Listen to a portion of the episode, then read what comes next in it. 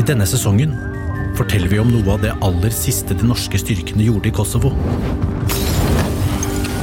Det er et bilde som jeg har i hodet mitt idet jeg sitter her og prater nå, og som har levd i hodet mitt siden. Og det er en av soldatene mine som står og brenner i full fyr og flamme. Våre historier, en podkastserie fra Forsvaret.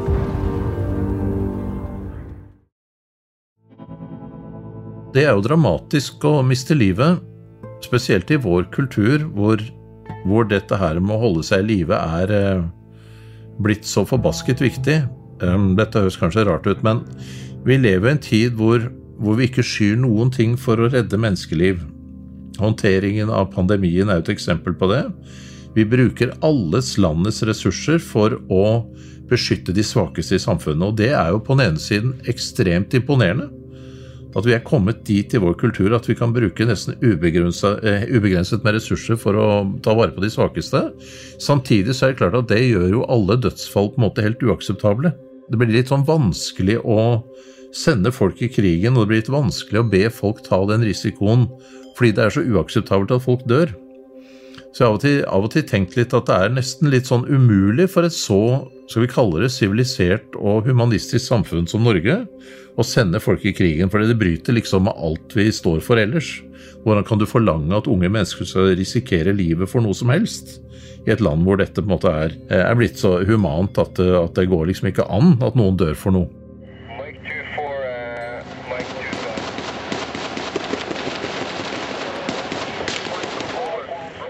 Han du hører nå, er Jon Reichelt. Han er psykiater og sjef for Forsvarets sanitet. Men samtidig så må vi altså erkjenne at det å sende folk i krig er risikabelt, og vi må, må skal vi si, be eller lure eller tvinge unge mennesker til å tenke over akkurat det. Og erkjenne at de faktisk er dødelige, og at de kan komme til å dø av det de blir med på. Og det er en litt sånn tøff ting å ta opp med folk, men Unge folk skjønner det bedre enn vi tror, og vil på en måte erkjenne at sånn er det. Men det er klart det er, det er, det er en voldsom ting å be folk om å risikere livet. Jeg lærte av en amerikansk kollega en gang at når du skal ansette helsepersonell i Forsvaret, det gjør vi, vi tilsetter leger og sykepleiere og psykologer og sånn, så må du gjøre dem klar over at det er to etikker de skal forholde seg til. Det er både helsepersonellets etikk, hvor du da skal redde liv for enhver pris, og så er det faktisk soldatens etikk, hvor du også skal være villig til å risikere livet for saken. Så ikke bare skal du redde liv, men du må også være villig til, som ansatt i Forsvaret, som soldat, å risikere ditt eget liv. Og da er det en del som stusser litt. Alle soldater må tenke gjennom det Jon Reichel deler med oss. Det å delta i krig har en pris som kan bli høy. Ansvaret med å trene, øve og forberede soldatene som skal ut i oppdrag, er stort. Og seleksjonen av hvem som egner seg, likeså. Og det har vært noen til intervjuet som har sagt at nei, det der hørtes litt drøyt ut. Du hører på fjerde episode av historien om Afghanistan. Jack of all trades, master of none. Jeg heter Thomas Haraldsen.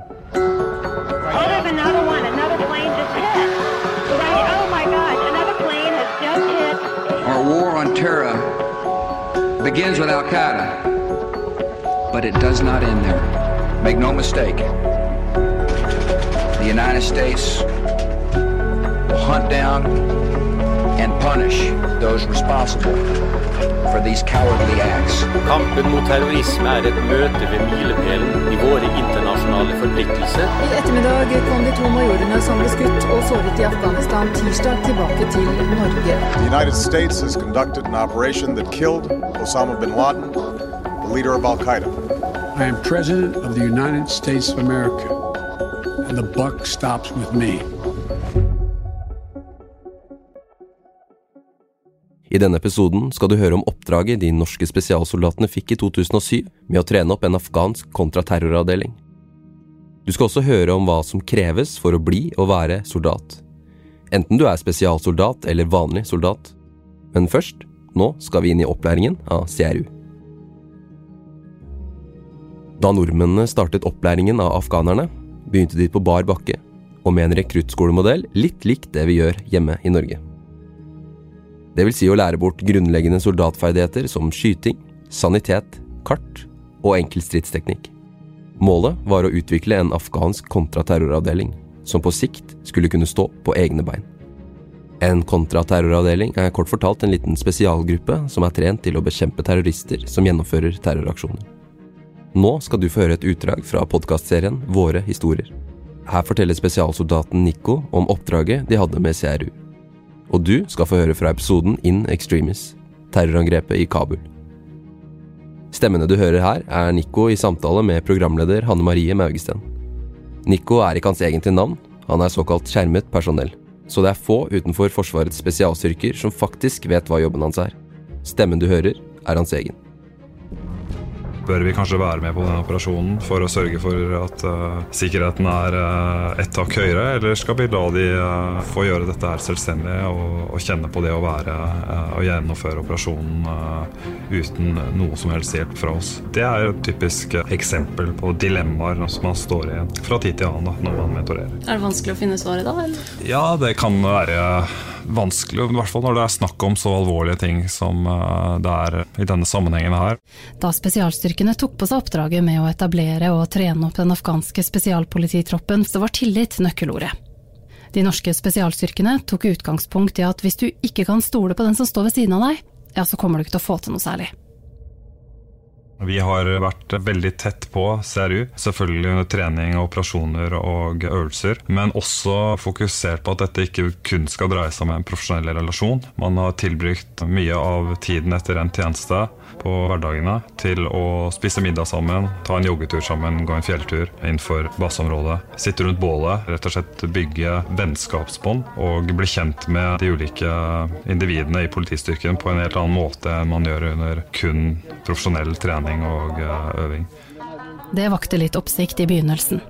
Der andre land ikke tok av seg den skuddsikre vesten sammen med de som de var mentorer for, så bestemte altså de norske styrkene seg for å spise og trene sammen med dem, og bli venner med de som de skulle mentorere. Nettopp dette har gjort at afghanerne i CRU-en stoler på nordmennene, og de norske operatørene stoler på CRU-en.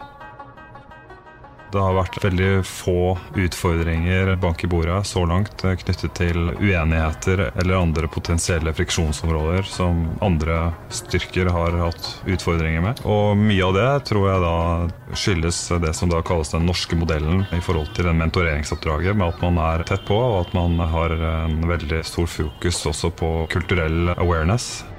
Men siden nordmennene og CRU-en er gjennom så mange tøffe situasjoner sammen, kommer de tettere på hverandre enn som så. Det tyngste, syns Nico, er hvis CRU-en mister folk. Det er helt klart at Ved enkelte operasjoner så har det gått fryktelig galt, og man har kanskje flere skadde eller flere tap. Det er klart at Da ser man helt naturlig en stor dipp i moralen og motivasjonen hos eh, CRU. Og Da må jo vi også gjøre det vi kan for å holde motet oppe, ved å ja, gjøre det vi kan rett og slett for å få de opp på hesten igjen. Hvis det er snakk om skadde, så hender det at vi tar en tur bort på sykehuset der hvor vedkommende ligger. Hilser på vedkommende, tar en peptalk, viser at vi bryr oss. Viser at han er en del av den norske gjengen også, og at det her er venner som vi bryr oss om. Og det setter de veldig, veldig stor pris på. Det kan være et klapp på skuldra eller en ekstra peptalk. Hvis en CRU-politimann har mista livet, så pleier de norske operatørene å bidra, slik at det i alle fall skal bli mulig for den afghanske familien å ha en verdig begravelse. For å rett og slett vise at vi bryr oss, at vi sørger med det, og at vi ønsker å vise at vi er der i ryggen på det, og vi er der eh, for å kjempe mot den samme fienden. De norske spesialstyrkene har altså siden 2007 stått i mange krevende situasjoner sammen med de afghanske soldatene. Bare nå de siste fem årene har Forsvarets spesialstyrker vært med på å redde nesten 1800 sivile under terrorangrep i Kabul. Nico har gjennomgått Norges hardeste militære utdanning, for å bli spesialsoldat må du være både kreativ og fysisk og mentalt robust. En spesialstyrke er en liten avdeling som løser oppdrag som andre avdelinger ikke kan løse. Fordelen med en spesialstyrke er at de kan sendes av gårde raskt, og de kan brukes til alt, i alle miljøer. Her hører du Nico igjen. Selvfølgelig den fysiske biten. Det må være forholdsvis robust. Det er ikke snakk om noe sånne umenneskelige greier her. Det er sunn og sterk ungdom som kommer gjennom. Veldig mange er jo interessert i trening og friluftsliv og den type ting, og da blir det naturlig at man er i god form. Det eh, kan gjøre å bli så stor eller sterk som mulig, eller løpe så fort som overhodet mulig, men løpe fort nok og være sterk nok til å gjøre de oppgavene som eh, trengs. En norsk spesialoperatør skal f.eks. kunne dykke og klatre, være en god skytter og ha et høyt nivå av førstehjelpskunnskap. Man skal kunne gå langt både til fots og på ski, bære tungt og mestre alt fra moderne teknologi og kompliserte våpensystemer til kartlesing. En spesialoperatør er trent til å hoppe i fallskjerm i mørket og til å sluses ut fra en ubåt under vann. De er trent i både arktisk krigføring og krigføring i jungel. Kort sagt, det her er soldater som skal kunne takle alle miljøer og løse de mest krevende oppgavene innen krigføring. Disse ferdighetene utgjør en form for grunnpakke. For det her er tross alt ferdigheter som til en viss grad kan trenes opp. Men så kommer jo alt det andre. Det som gjør dem til nettopp spesialoperatører motivasjon, vilje, holdninger, hvem de er. Det handler om integritet, å gjøre det riktig i alle situasjoner. Uavhengig om det du gjør blir sett eller anerkjent eller ikke. Vi sier å på en måte lete seg arbeid, som vi har kalt det av og til. Se etter hva som trengs å gjøres, rett og slett. Så ikke trenger å bli fortalt hele tiden hva som skal gjøres. God vurderingsevne.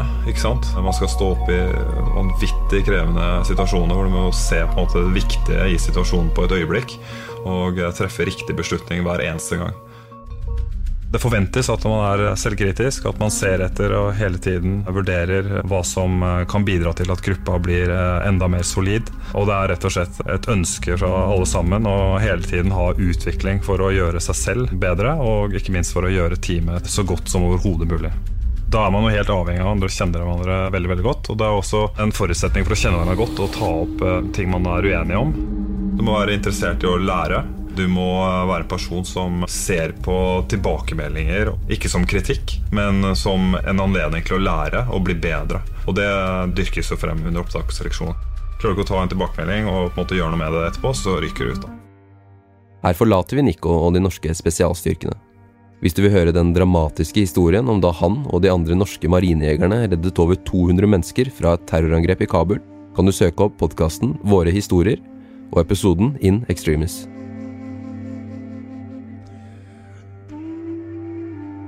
Nikos jobb som spesialsoldat er krevende. Og det er ikke mange av dem. Og selv om intensiteten i tjenesten som spesialsoldat ofte er høyere enn for andre soldater, er likevel egenskapene som kreves for å bli soldat, ganske universelle. Det handler om mental robusthet, evnen til å tåle påkjenninger og bearbeide disse. I tillegg er det selvfølgelig viktig å være fysisk sterk nok. Her er Reichelt igjen. Ja, Forberedelse er uendelig viktig. Det ene er at man må, man må, være litt på utkikk etter folk som kanskje vil få det til. Altså nettopp de som er gode til å konsentrere seg om det som er viktig, og la det andre fare.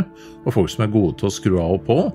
Og så er vi ute etter folk som er flinke til å ta vare på seg sjæl og omgivelsene sine. Å stå i krevende eller ekstreme situasjoner er en del av det å være soldat. Men det handler ikke bare om det. Så meldes det et oppdrag, du forbereder, og så blir det avlyst. Det skjer ni av ti ganger.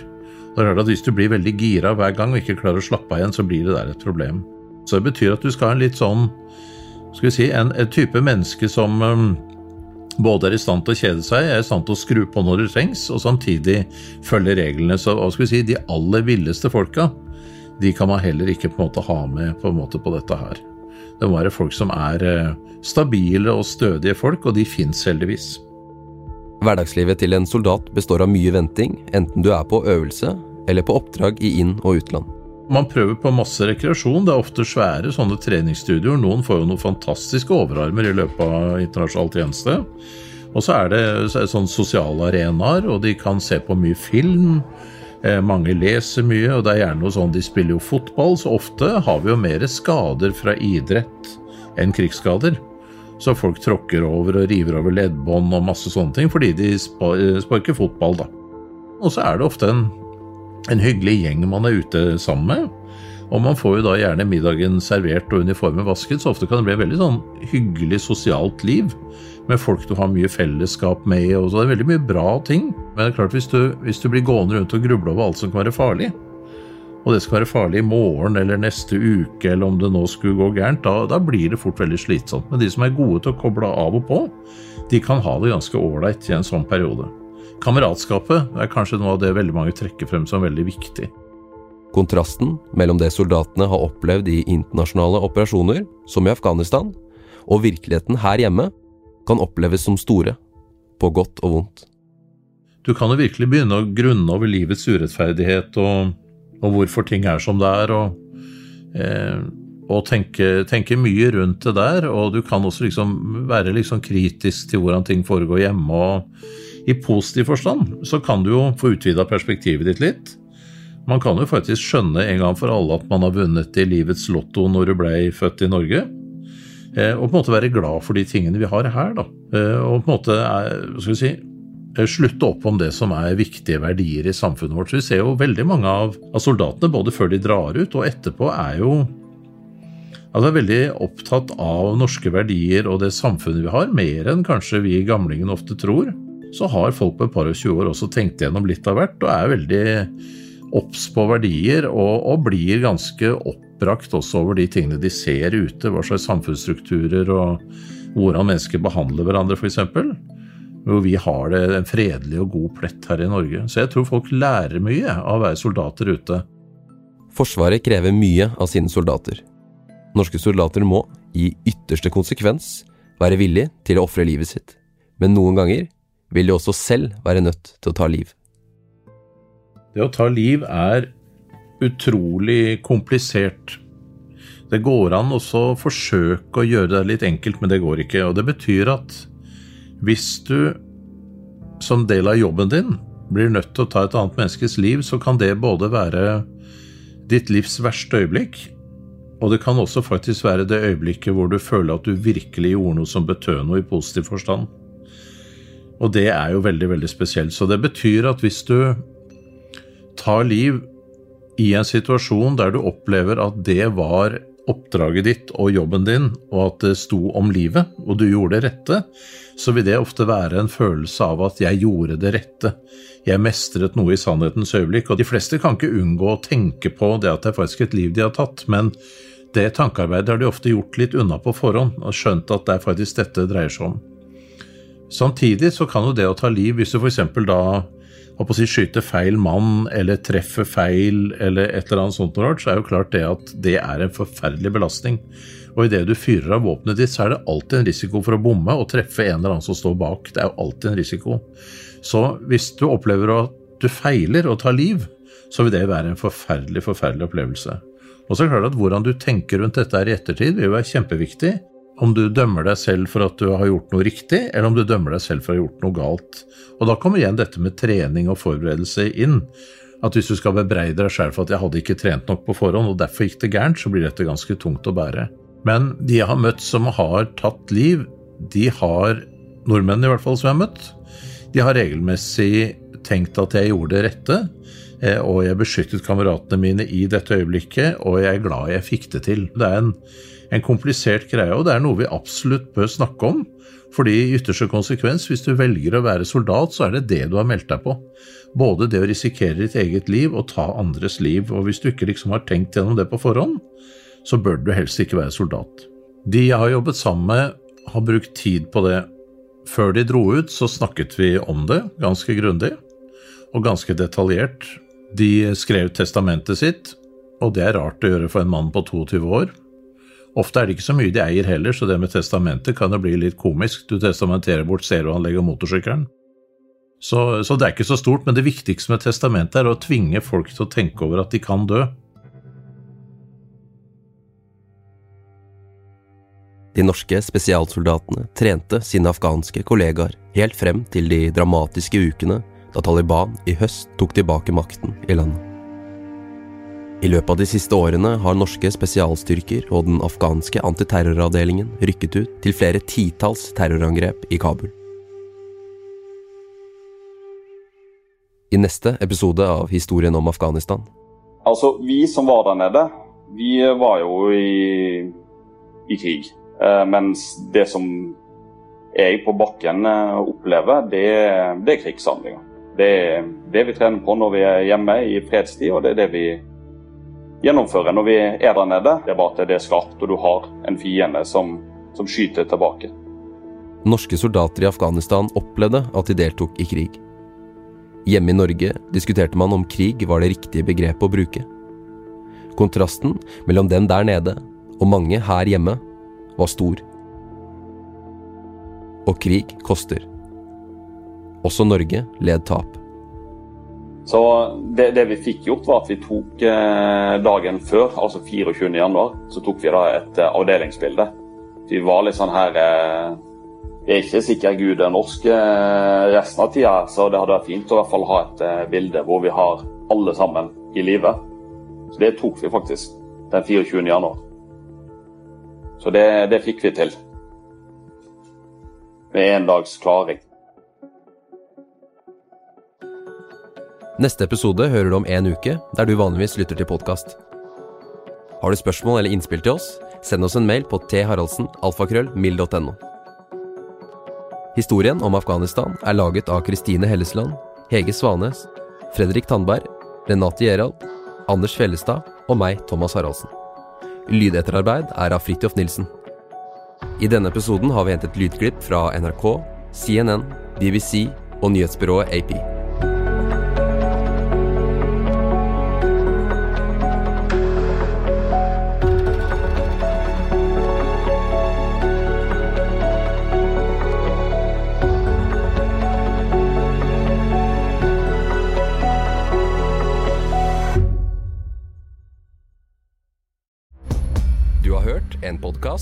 Forsvaret.